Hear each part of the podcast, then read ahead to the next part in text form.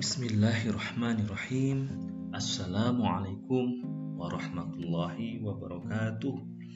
Sobat map yang saya banggakan, yang saya cintai Mari kita panjatkan segala puji bagi Allah Yang mana senantiasa melimpahkan kenikmatan anugerah yang patut kita syukuri. Dan bagaimanapun kita adalah hamba yang wajib bersyukur Salawat serta salam semoga senantiasa tercurahkan ke junjungan kita Nabi Muhammad Sallallahu Alaihi Wasallam. Sahabat mat, kita masuk di segmen kulkas kuliah via podcast atau podcast. Eh, uh, episode kali ini kita akan membahas tentang manusia, filsafat dan ilmu. Waduh, ini kajian yang cukup banyak ya tiga poin ya manusia filsafat dan ilmu. Ini bagian dari eh, kajian filsafat ilmu bimbingan dan konseling. Oke hmm, kita akan awali dengan membahas manusia membahas diri kita ya membahas uh, makhluk yang bernama manusia.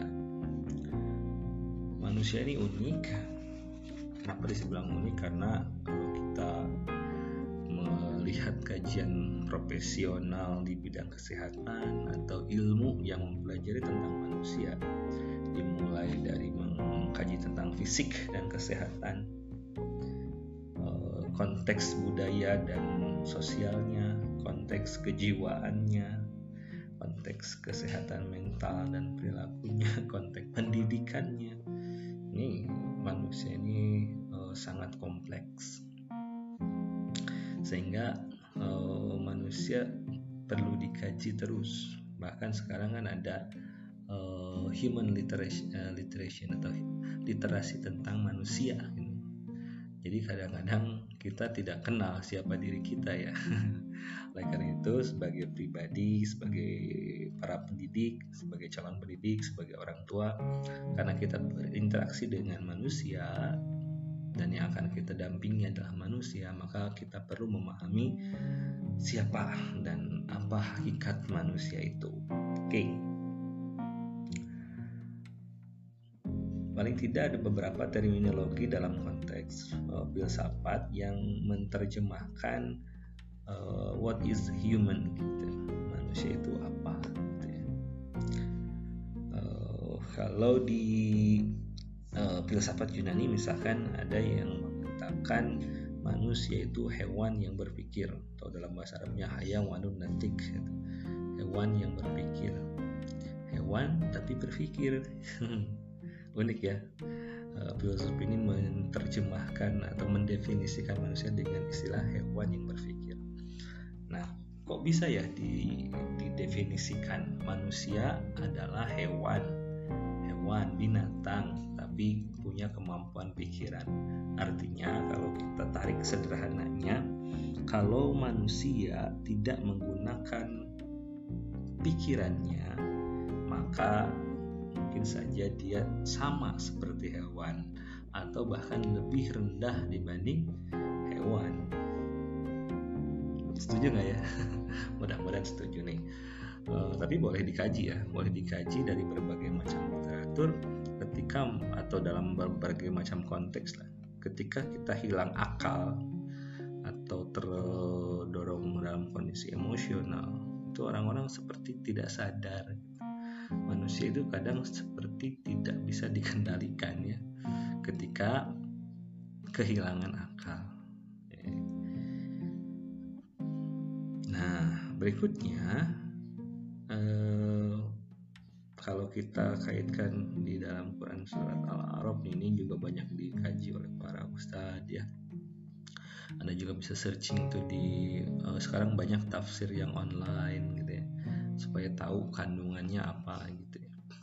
Di dalam salah satu ayat di Quran surat Al-A'raf ayat 179 uh, ini mengisahkan tentang manusia dan ciri khasnya.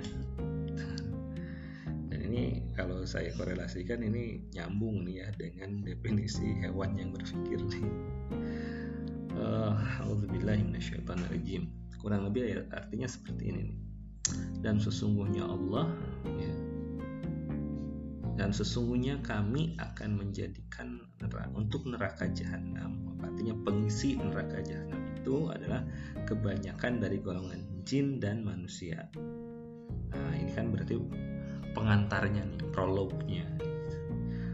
Allah sudah menyatakan di awal bahwa sesungguhnya akan kami jadikan untuk neraka jahanam itu.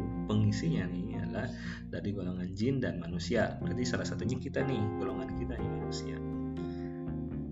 Perlu ada pertanyaan kenapa gitu ya? Kenapa kok golongan jin dan manusia yang akan menjadi uh, penghuni uh, terbanyak lah ya atau yang akan menghuni uh, neraka jahanam? Uh, keterangan selanjutnya atau dalam lanjutan ayatnya satu karena satu mereka memiliki hati hati berarti ada potensi yang disebut dengan hati. Tapi tidak digunakan untuk memahami. Layak kohu nabiha. Tidak menggunakannya untuk memahami apa ayat-ayat dari Allah penjelasan-penjelasan dari uh, Nabi gitu ya. Bahkan uh, yang ada di dalam dirinya juga dia tidak paham gitu ya. Hatinya tidak digunakan. Hati ini mungkin kalau kita hubungkan dalam konteks psikologis bisa jadi kesadaran ya. ya nalar juga kan berkaitan dengan kata hati juga ya. Memahami ayat ya, artinya tidak digunakan untuk memahami. Digunakan termnya yakohun ya. Menggunakan kata uh, memahami berikutnya mereka mempunyai mata. Nah, jadi kita diberikan potensi mata untuk melihat kan gitu ya. Mata itu untuk melihat mengamati mengobserv gitu ya. Tapi nah, tidak digunakan untuk melihat tanda-tanda kekuasaan Allah. Fungsi mata pada dasarnya kan untuk melihat untuk membaca untuk menerima informasi dalam bentuk visual gitu. banyak sekali kan yang bisa kita amati gitu, sehari-hari. Baik yang bergerak yang tidak bergerak gitu ya. Alam ini bisa diamati dengan salah satunya panca indera uh, penglihatan kita. Dan banyak orang yang menemukan berbagai macam inovasi tentunya dengan bantuan pengamatan uh, indrawi kita yang disebut dengan penglihatan Nah, tapi di sini tidak digunakan untuk melihat tanda-tanda kekuasaan Allah. Artinya mungkin saja secara uh, fisik, secara uh, duniawi ya gitu ya. Kita melihat gitu ada keajaiban, ada apa ada ada keunikan-keunikan dalam berbagai macam bentuk ciptaan, tapi itu tidak menambah keimanannya terhadap uh, Allah Subhanahu wa taala. Jadi tidak dijadikan sebagai alat untuk melihat tanda-tanda kekuasaan bahkan mengatakan itu terjadi karena memang harus terjadi gitu ya.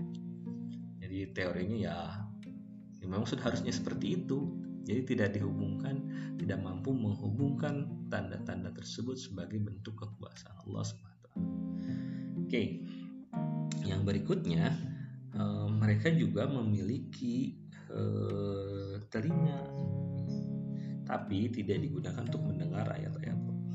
Tidak menggunakan untuk menyimak keterangan yang disampaikan kebenaran yang disampaikan gitu ya. nah di sini dijelaskan bah mereka itu seperti binatang. Kalau an'am an'am itu binatang ternak ya. Bahkan lebih buruk lebih rendah atau bahkan dikatakan lebih sesat mereka itulah orang-orang yang lalai oh ini menarik nih menarik sobat map setiap orang berhak sejahtera maka berlomba-lombalah dalam kebaikan Oke, kalau kita hubungkan konteks manusia yang didefinisikan di dalam Al-A'raf ayat 179, mereka punya potensi fisik dan psikis, bukannya fisik ya, psikis. Kenapa? Fungsi penglihatannya ada, diproses menjadi sebuah pemahaman. Berarti kan ada konteks mentalnya di situ, bukan hanya fungsi penglihatannya saja. Mungkin dia bisa melihat yang indah, yang bagus yang tidak bagus gitu ya. yang bermanfaat yang tidak bermanfaat tapi ketika tidak dihubungkan terhadap kesadaran bahwa ini harusnya bisa memandu pada uh, penemuan kebenaran ilahi ya yang mengatakan bahwa ini tidak mungkin terjadi jika tidak ada yang menciptakan seperti pencarian Nabi Ibrahim ketika ingin mencari Tuhannya melihat bintang, melihat bulan, melihat matahari itu kan menggunakan indera penglihatan pengamatan kalau dalam bahasa ilmiah sedang melakukan penelitian mungkin ya observasi pertama ada bintang ya bintangnya uh, surut nggak jadi ini ada bulan lebih besar ya ada matahari lebih besar. Jadi ada proses penalaran pemikiran ya. Dari proses apa yang dilihat diamati lalu diterjemahkan. Pada akhirnya menyimpulkan benda-benda tersebut. Bukan Tuhan pasti in, yang membuat ini semua adalah yang adalah yang yang sebenarnya kekuatan yang sebenarnya. Nah ini yang diisyaratkan di dalam uh, surat-surat Al-Arab ini kan gitu bahwa bukan sekadar potensi uh, jasmaniahnya saja fisik saja. Tapi fungsi-fungsi psikisnya mereka punya hati tapi tidak digunakan untuk memahami. Okay. dia punya mata tidak digunakan untuk melihat kekuasaan Allah. Tidak, memiliki mata tapi juga digunakan untuk mendengar. Ujung-ujungnya adalah kesadaran terhadap kekuasaan Allah. Kan seharusnya memandu pada kesadaran. Sehingga diibaratkan uh, lebih rendah dari binatang ternak. Nih kita kan tadi dikatakan manusia adalah hewan yang berpikir gitu ya. Berarti kalau tidak menggunakan kesadaran pikirannya akan lebih rendah tuh dari hewan ternak.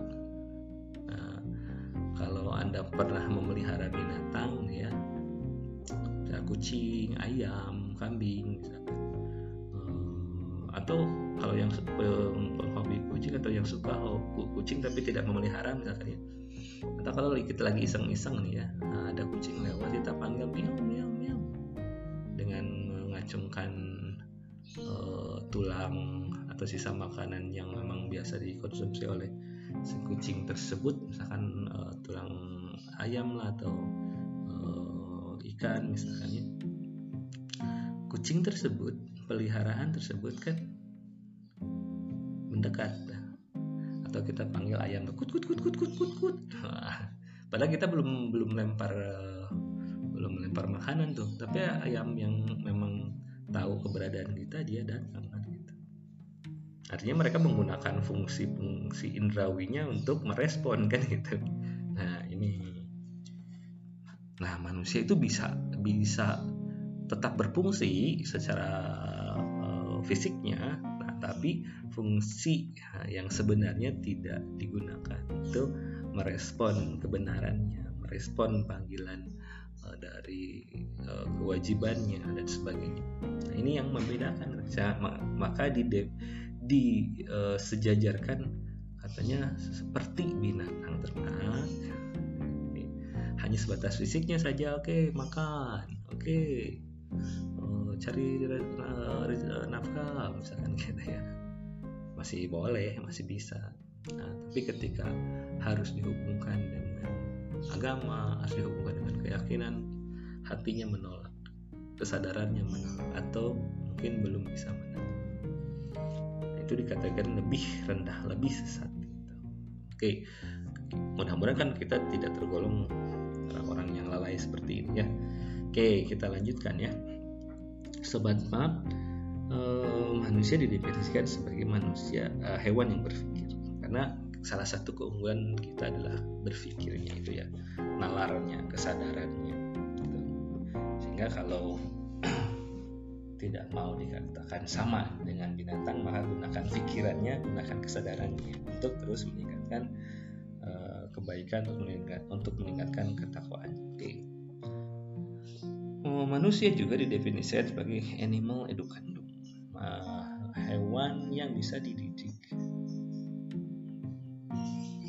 Hewan yang bisa dididik bukan dilatih ya di sini ya, dididik ya. educandum, educate.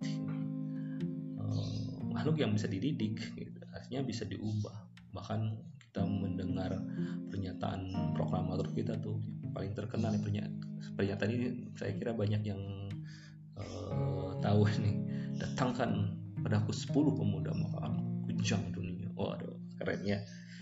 Artinya apa? Manusia itu potensi dengan seluruh potensinya dengan kekuatan yang Allah berikan sebetulnya bisa dididik dengan sedemikian rupa untuk menjadi berbagai macam bidang apa kemampuan ya. Manusia bisa dilatih bisa dididik. Kalau hewan mungkin hanya bisa dilatih bisa ada beruang yang bisa pakai sepeda ada uh, harimau yang bisa lompat uh, di karang api misalkan. Itu pembiasaan dilatih di drill sedemikian tapi manusia lebih dari itu ya bisa dididik. Artinya potensi yang ada bisa menciptakan sesuatu yang luar biasa. Apa yang kita nikmati sekarang itu kan hasil pendidikan uh, orang-orang dahulu yang berhasil menciptakan berbagai macam temuan yang bermanfaat untuk kita semua. Oke, okay. uh, eh, berikutnya, nah ini lebih khas adalah makhluk manusia adalah makhluk yang sadar akan dirinya. Artinya manusia itu punya kesadaran hati gitu ya kan sering disimbolkan terus dijelaskan manusia itu punya hati penafsiran saya hati itu adalah kesadaran mindnya gitu ya benaknya kesadaran itu jika baik maka baiklah seluruhnya maka uh, hati di sini bermakna uh, hati dalam bentuk fisik atau hati dalam konteks psikis. Nah, ini yang nanti perlu di uh, kita tanyakan ya kepada para ahli hadis, ahli tafsir gitu ya. Makna al di dalam hadis itu apakah bisa dimaknai sebagai kesadaran atau uh, hati dalam konteks uh, hati gitu ya? Karena memang betul kalau hatinya rusak ya rusak juga ya tubuh bagian tubuh yang lainnya. Karena dalam keterangan bunyinya seperti itu. Okay. hmm, makhluk yang sadar akan dirinya.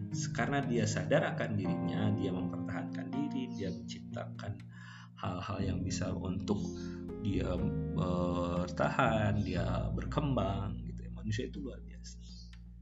Dan dulu sampai sekarang kalau kita bandingkan dari zaman ke zaman gitu ya itu perkembangannya luar biasa. Teknologinya peradabannya luar biasa. Dan manusia adalah makhluk yang sempurna atau diciptakan dalam kondisi yang paling baik.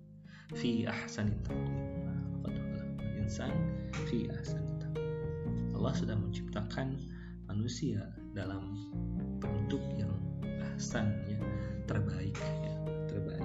Tapi akan menjadi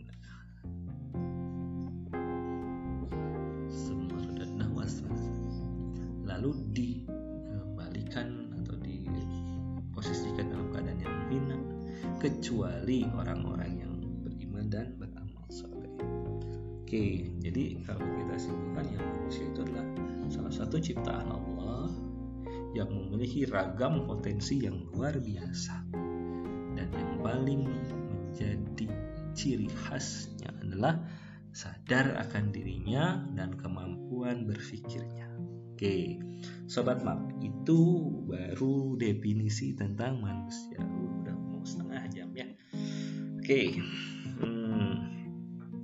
ciri-ciri manusia ya fisiknya, ada bahasa, ada kalimat dan sebagainya. Ciri-ciri yang melekat gitu ya. Apresiasi terhadap keindahan, punya kata hati, ya. benar dan salah. Ini yang yang unik-unik aja ya, karena yang umumnya sama aja ya punya kaki hewan-hewan juga punya kaki punya pencernaan punya uh, naluri insting dan sebagainya. Sama tapi yang membedakan salah satu yang unik adalah punya kata hati. Uh, baik dan buruk gitu ya. Ada penalaran uh, logisnya gitu, ada berpikirnya gitu. ini yang uh, ada bahasa juga nih yang khas itu. Paling tidak ada tiga yang unik nih ya. Bahasa karena ada kalimat ada ada artikulasi, ada frase-frase yang dibuat, bahkan unik ribuan jenis bahasa muncul dari yang namanya manusia. satu jenis ya manusia.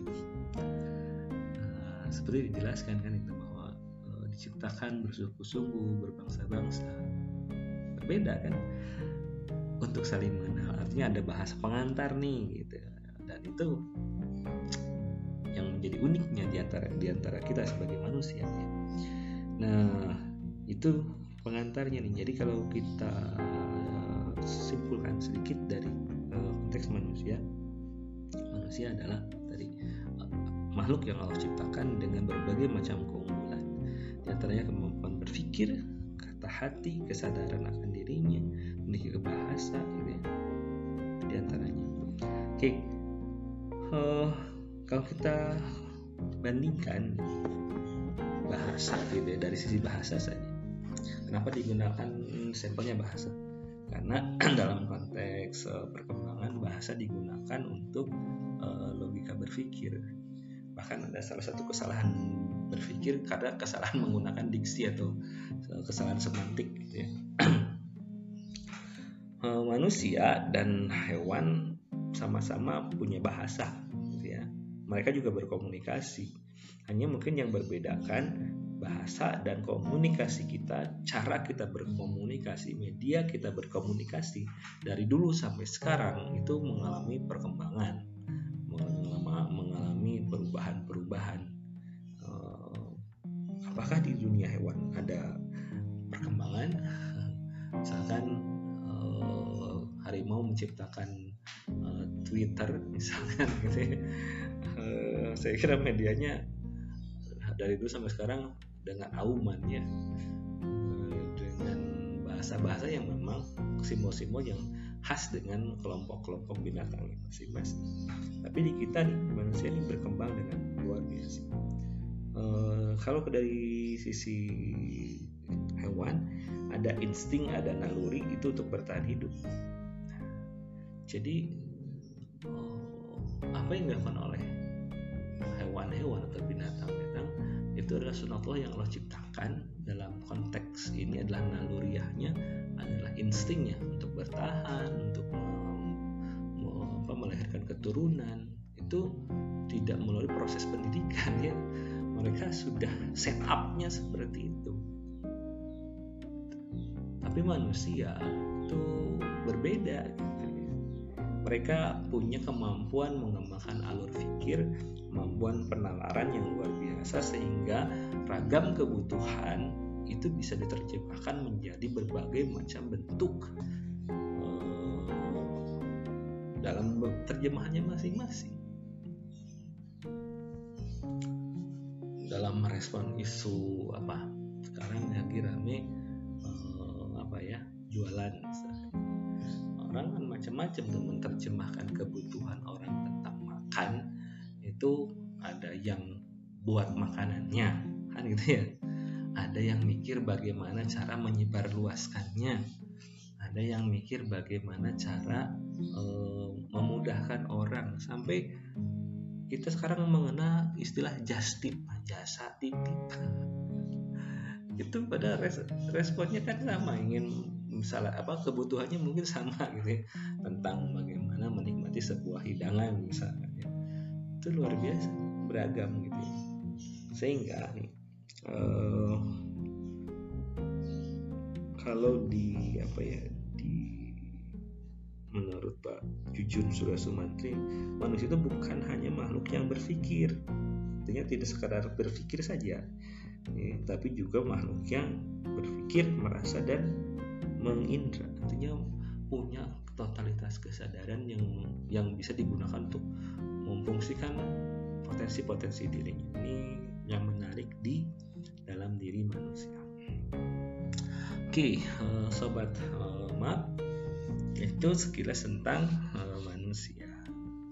Mudah-mudahan bisa dimengerti ya walaupun penjelasannya mungkin ada yang tidak lengkap nanti boleh dicari lagi referensi tentang manusia dari berbagai macam perspektif. Oke, hmm, nah tadi kalau tadi dari sisi bahasa, sekarang dari sisi penalaran nih. manusia tadi karena unik dia punya salah satu ciri keunikannya adalah nalar atau pikiran ya. Eh, dalam proses penalarannya menggunakan mindsetnya manusia itu bisa menalar secara logis dibangun logikanya kalau ini begini akan mengakibatkan ini ya pasti akan terjadi begini padahal itu belum terjadi dia melihat uh, fenomena lalu dia buat hipotesis lalu dia mencoba lalu dia uh, diukur. Dia bisa melakukan penelitian secara logis dibantu dengan kemampuan analitis uh, dia menganalisis bagian-bagian keterhubungan satu dengan yang lain. Sehingga dia bisa bisa bisa melihat masalah. Uh, ada fenomenanya masalahnya begini dia rumuskan lalu dia membuat kesimpulan sementara. Dia melakukan hipotesis. Bisa membuat hipotesis oh kalau ini begini pasti begini. Kemungkinan begini. Kalau saya buat akar seperti ini kemungkinan begini. Nah, sehingga nanti ketik sebelum di apa diuji cobakan dia sudah bisa memprediksi hasilnya. Kalau ini kemungkinan begini kemungkinan begini sehingga ada yang disiapkan unik harusnya gitu ya uh, ini lagi rame-rame nih lagi rame-rame kasus uh, anggota Dewan Perwakilan Rakyat yang memutuskan di tengah malam tentang Undang-Undang Omnibus Law, Undang-Undang Sapu Jagat. Apakah melakukan proses analisis logis masalahnya dihipotesiskan dulu gitu ya. Kerangka pikirnya dibangun sehingga kita akan memprediksi ini kalau ini kan ada fenomena gitu kan ada fenomena. Baru ada usulan reaksi dari masyarakat sudah begitu luas. Nah, itu kan fenomena tuh. Ada apa ini? Ya, gitu. ada kekhawatiran apa ini harusnya kan itu direspon tuh. Hipotesis kalau ini dipaksakan apa yang akan terjadi? Sebetulnya itu kalau menggunakan penalaran logis analitisnya jalan saya kira eh, reaksi besar-besaran seperti saat ini mungkin akan bisa lebih diminimalisir apalagi kita sedang sedang apa sedang mengalami uh, pandemi COVID-19 di mana kita tidak boleh berkerumun. Mengurangi kerumunan harusnya kan gitu. tapi ya mungkin dalam bahasa penalaran para pejuang di uh, para demonstran saya dia mati saya berjuang mati. Kan ada hipotesis yang akan melawan itu Nah, ini menariknya. Uh, terlepas dari itu semua sebetulnya kalau kita menggunakan penalaran yang sehat gitu ya akal sehat dan tadi ciri khas manusia adalah memiliki kata hati. Wah luar biasa nih ya yang unik-uniknya gitu ya yang uniknya lagi ini di medsos lagi rame-ramenya gitu ya. Bahkan para istri simpanan laki-laki simpanan anggota dewan dihebohkan di media sosial biasa ya. Itu ikut-ikutan mengancam gitu ya. Kalau nggak dibatalkan nanti buka-bukaan nah bukan dampaknya luar biasa itu. Tapi kita lepas dari itu semua ya. Itu sebagai intermezzo saja dalam konteks kuliah via podcast kita hari ini. Oke okay, hmm, apa yang akan kita lanjutkan ya? Jadi ke mana-mana nih ya. Uh, tadi di awal kan kita akan bahas manusia filsafat dan ilmu. Oke okay, kita lanjut ke membedah pengertian filsafat dulu secara mendasar ya. Kalau kita lihat dari sisi bahasa, ada yang mengatakan dari kata filos atau dari kata filien, ada sophos atau sophia gitu ya. Tapi kalau kita tarik, mungkin bisa kita terjemahkan uh, filsafat itu cinta terhadap kebijaksanaan atau cinta terhadap kebajikan dan kebijaksanaan. Itulah sederhanakannya nanti bisa dibaca lagi tadi sumber-sumber yang membaca tentang filsafat filsafat kalau dalam sisi bahasa seperti itu. Orang-orang yang mencintai kebijakan kebaj kebajikan ya. Kebijaksanaan orang yang sudah bijak mencintai kebijakan dia akan menjadi bajik menjadi baik gitu ya. Artinya tidak serampangan dalam berpikir tidak tergesa-gesa dalam memutuskan. Dia akan melihat apa yang terjadi, dia akan mencoba memahami dulu apa hakikat yang terjadi, dia urai gitu.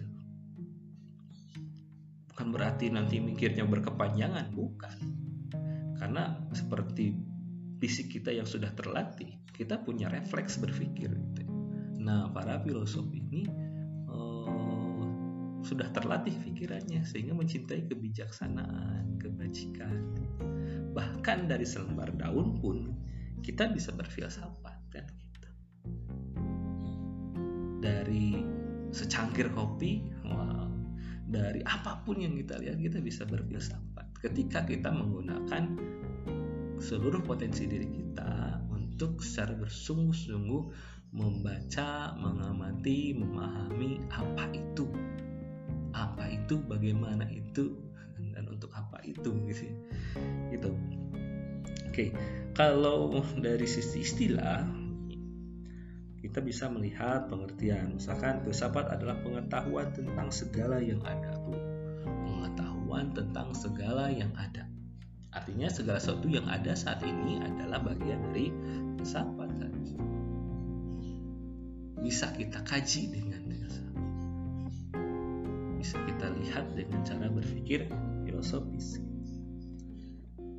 atau filsafat sebagai dasar dari segala ilmu. Berarti kalau dasar adalah uh, bagian paling awal, ya pikirannya itu, kesadarannya itu, gitu ya. Uh, atau pokok pangkal dari segala pengetahuan, pokok dan pangkal. Kalau kalau kalau kita korek apa ilustrasikan pokok itu batang tubuh, batang pohon, pokoknya. Jadi kalau dalam bahasa Melayu pokok itu pohon ya. Kalau tidak salah nanti bisa dicek lah.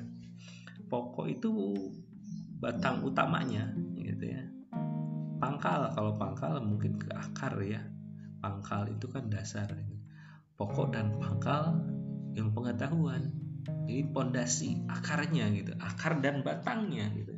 Nanti akan menumbuhkan cabang menumbuhkan uh, rantingnya daunnya buahnya kalau kita pelajari dari apa yang dilihat dari sebuah tumbuhan kalau akarnya sehat akan menumbuhkan batang sehat gitu. dan akan berbuah yang sehat gitu. bahkan kita juga di uh, dalam al juga banyak yang diceritakan tentang itu sehingga kalau di rumusan yang saya mengutip dari Prof. Muhammad Yamin filsafat ialah pemusatan pikiran. Berpikir dengan sungguh-sungguh, memusatkan pikiran.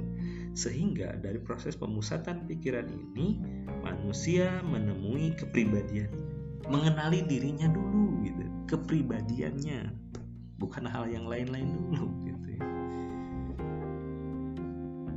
Seraya di dalam kepribadiannya itu ya, dialaminya kesungguhan mengalami kesungguhan, mengalami pemahaman yang utuh sehingga dia bisa melihat, dia bisa melihat dari uh, kalau tadi dalam al Arab itu bisa memfungsikan hatinya untuk memahami fenomena, bisa menggunakan matanya untuk menangkap tanda-tanda fenomena itu, bisa mendengar, menggunakan seluruh, seluruh sensor dirinya, potensi uh, indrawinya untuk jadi satu.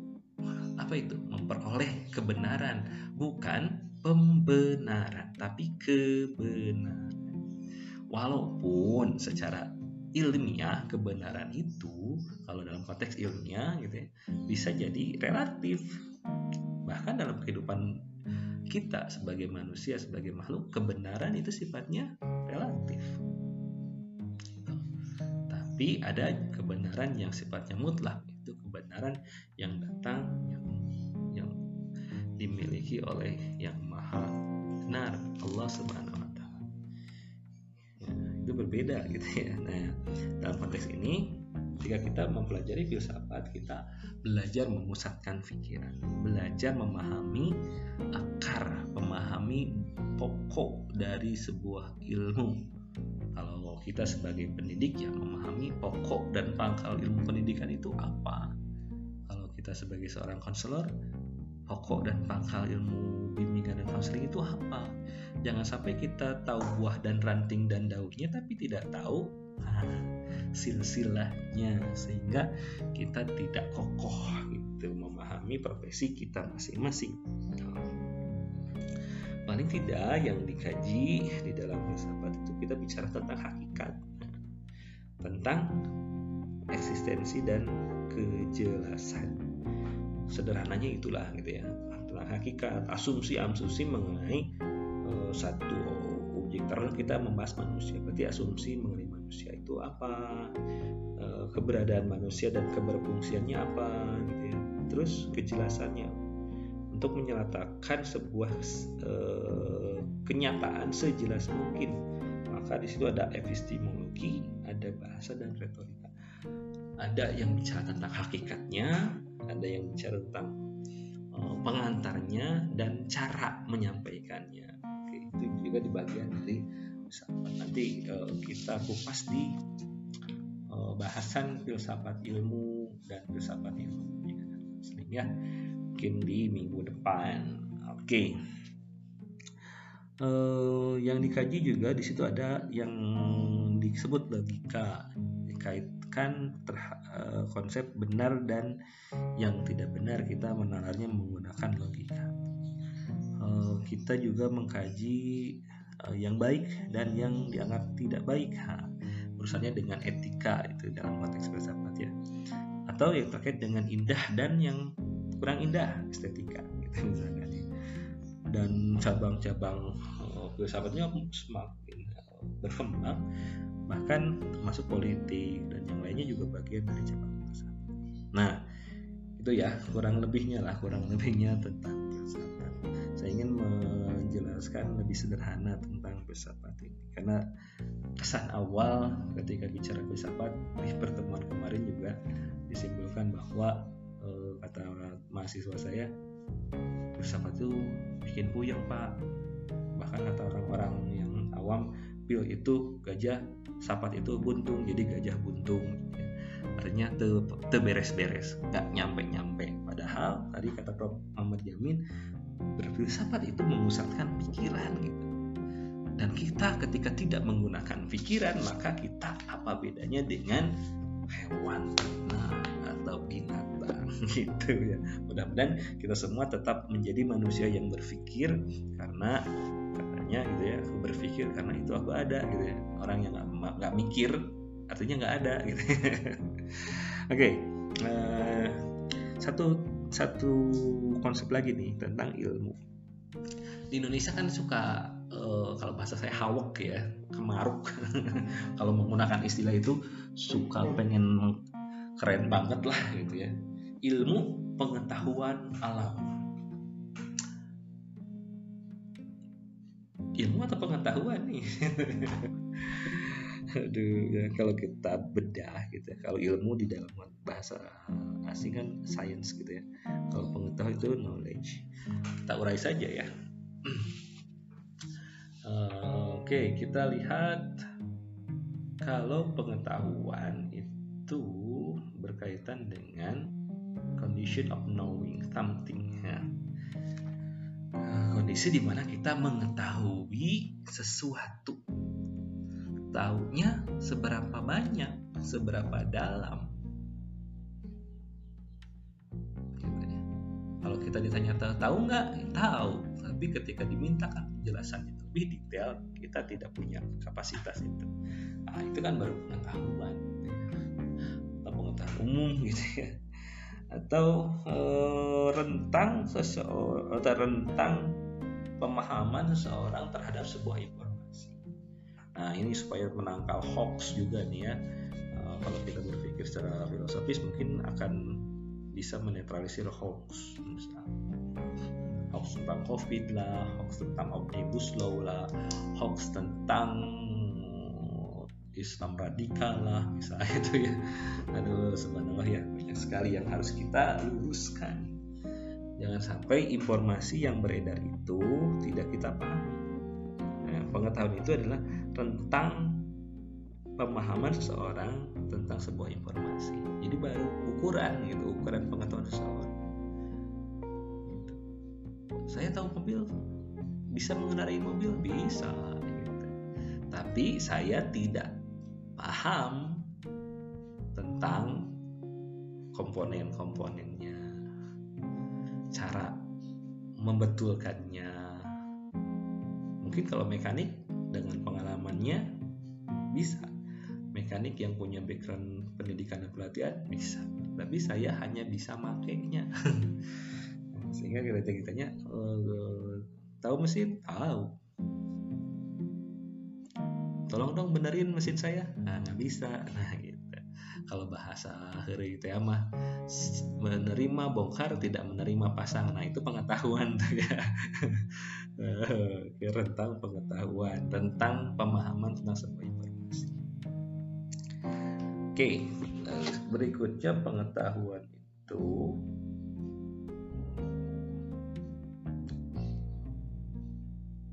atau bisa juga menggunakan reasoning ya. maksudnya apa? Reasoning. Ini lebih tinggi ya. Lebih dia menggunakan nalar menggunakan uh, logika di sini logika penalaran gitu ya. Uh, dan dari sini mungkin yang disebut dengan otodidak mungkin ya. Dia mencari mencoba oh ternyata kalau ditampurkan ini tidak enak nih. Coba dengan yang lain. Uh, menggunakan ini. Nah, dia mengkonstruksi gitu ya. Nah, mengkonstruksi. Nah, mungkin ini awal nih. Awal menjadi sebuah ilmu. Ketika sudah dipatenkan dirumuskan terus dicoba berulang-ulang berulang-ulang oh ternyata komposisi sambal itu adalah cabenya. Harus ada cabenya untuk rasa pedasnya ada gula ada garam ada bawang-bawang. Nah, itu kan kita kalau mau menelusuri sejarah kuliner ya kan resep sambal itu sudah diuji cobakan berapa ratus kali sebelum uh, kita dapatkan sekarang. Siapa yang menemukan pertama kali sambal? Nah itu kan sambal itu kalau diibaratkan uh, kondisi dan fakta kebenaran tentang enaknya uh, racikan yang bernama sambal makan masakan yang bernama sambal gitu. Nah, oh kalau ini dicampurkan dengan ini ini enak. Oh kalau warna ini dicampurkan dengan ini jadi warna ini percampuran misalnya. Jadi penalaran nih di kalau kalau faktor A ditambah faktor B ini akan menjadi sesuatu. Dia menggunakan logikanya dibangun sebuah konstruksi pemikirannya menemukan sesuatu. Nah mungkin ini awal nih pengetahuan yang berkaitan dengan ilmu. Kalau penjelasan yang tadi di pertama saya jelaskan itu baru pengetahuan-pengetahuan uh, awam ya nah berbeda dengan ilmu. Ilmu itu state of knowing. Tingkat pengetahuan sesuatu yang sudah terkonstruksi gitu ya. Karena di sini katakan ilmu itu department of systemized uh, knowledge uh, and object uh, of study. Jadi sudah disistematisasi sudah dibangun sedemikian rupa sudah di hasil penalaran-penalaran logis itu dikembangkan sehingga lahirlah dari kemampuan berpikir filosofis lahirlah ilmu-ilmu yang lain maka disebut the mother of science itu gitu ya. sehingga eh, kalau dihubungkan kalau ilmu itulah kumpulan pengetahuan yang sudah dibangun dengan sistem yang jelas konstruknya jelas. Bisa diukur bisa dipertanggungjawabkan. Kita bisa eh, orang-orang teknik bisa menjelaskan bagaimana alur kerja sebuah mesin eh, orang-orang eh, IT bisa menjelaskan kalau mau membangun sebuah sistem informasi berbasis web untuk bisa nanti kemudahan aksesnya A B C D E dibangun dengan algoritma-algoritma yang dikembangkan misalkan gitu. Seperti kecerdasan buatan yang sekarang sedang berkembang misalkan gitu ya. Uh, ilmu itu jadi beda ya ilmu pengetahuan. Uh, di dalam ilmu ada pengetahuan.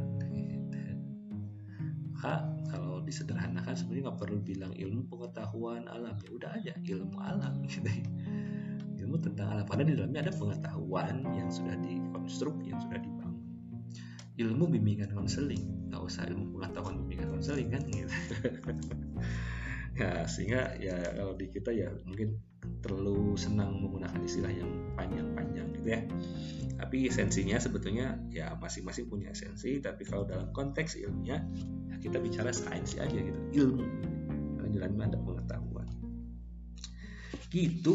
Oh, kawan-kawan semuanya bicara tentang uh, manusia filsafat dan ilmu.